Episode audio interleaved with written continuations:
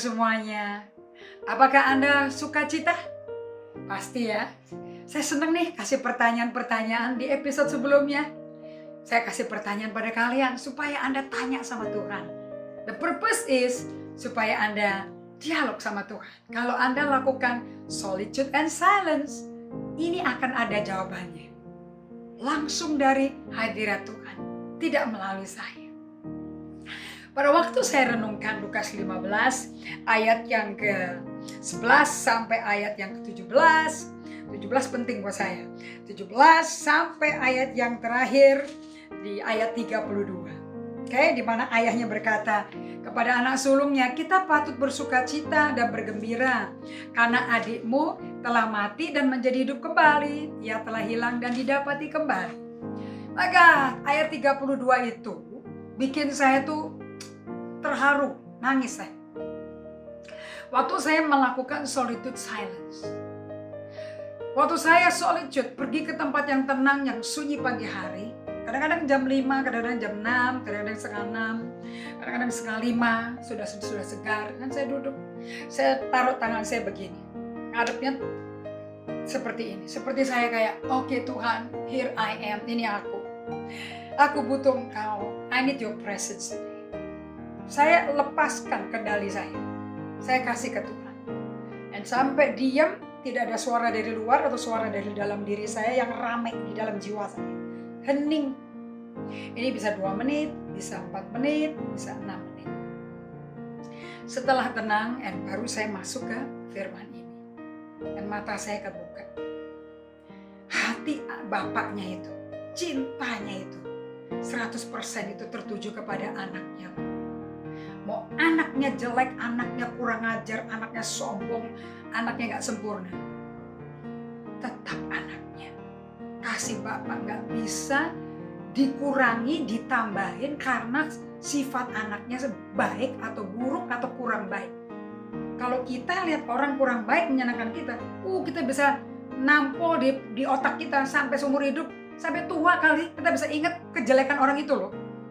Kalau Bapak surgawi nggak gitu tuh, dia nggak kurangin, tambahkan kasihnya karena kita jelek karakternya, busuk perbuatannya, negatif attitude-nya. Nggak ada.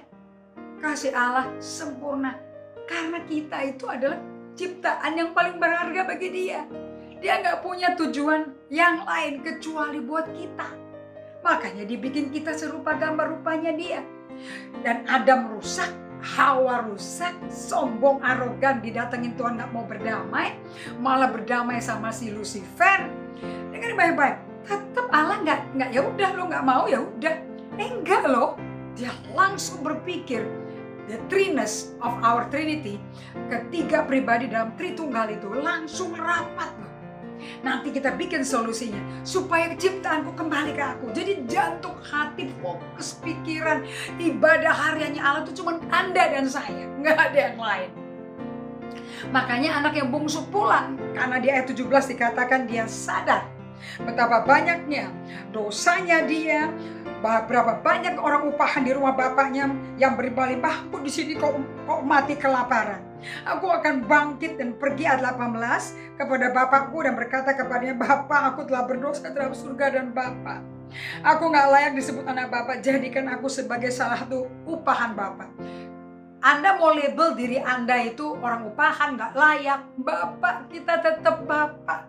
Nggak pernah berubah jati diri. Anak yang sulung, marah-marah tuh. Apa itu anak bungsu kayak gitu dihargai? Aku kok nggak dihargai?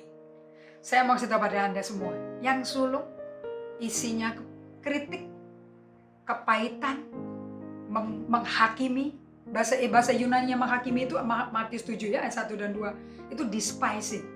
Melihat ke bawah, merendahkan dan benci. Menghina total. Kita lihat orang itu udah hmm. hati-hati loh saya mau tanya, kejahatan mana? Lebih jahat mana? Yang bungsu apa yang sulung? Sama. Dua-duanya sama. Yang bungsu anggap remeh apa yang bapaknya, siapa bapaknya dan apa yang bapaknya sediakan. Tapi tidak pernah punya hubungan, dia nggak mau kenal hati bapaknya.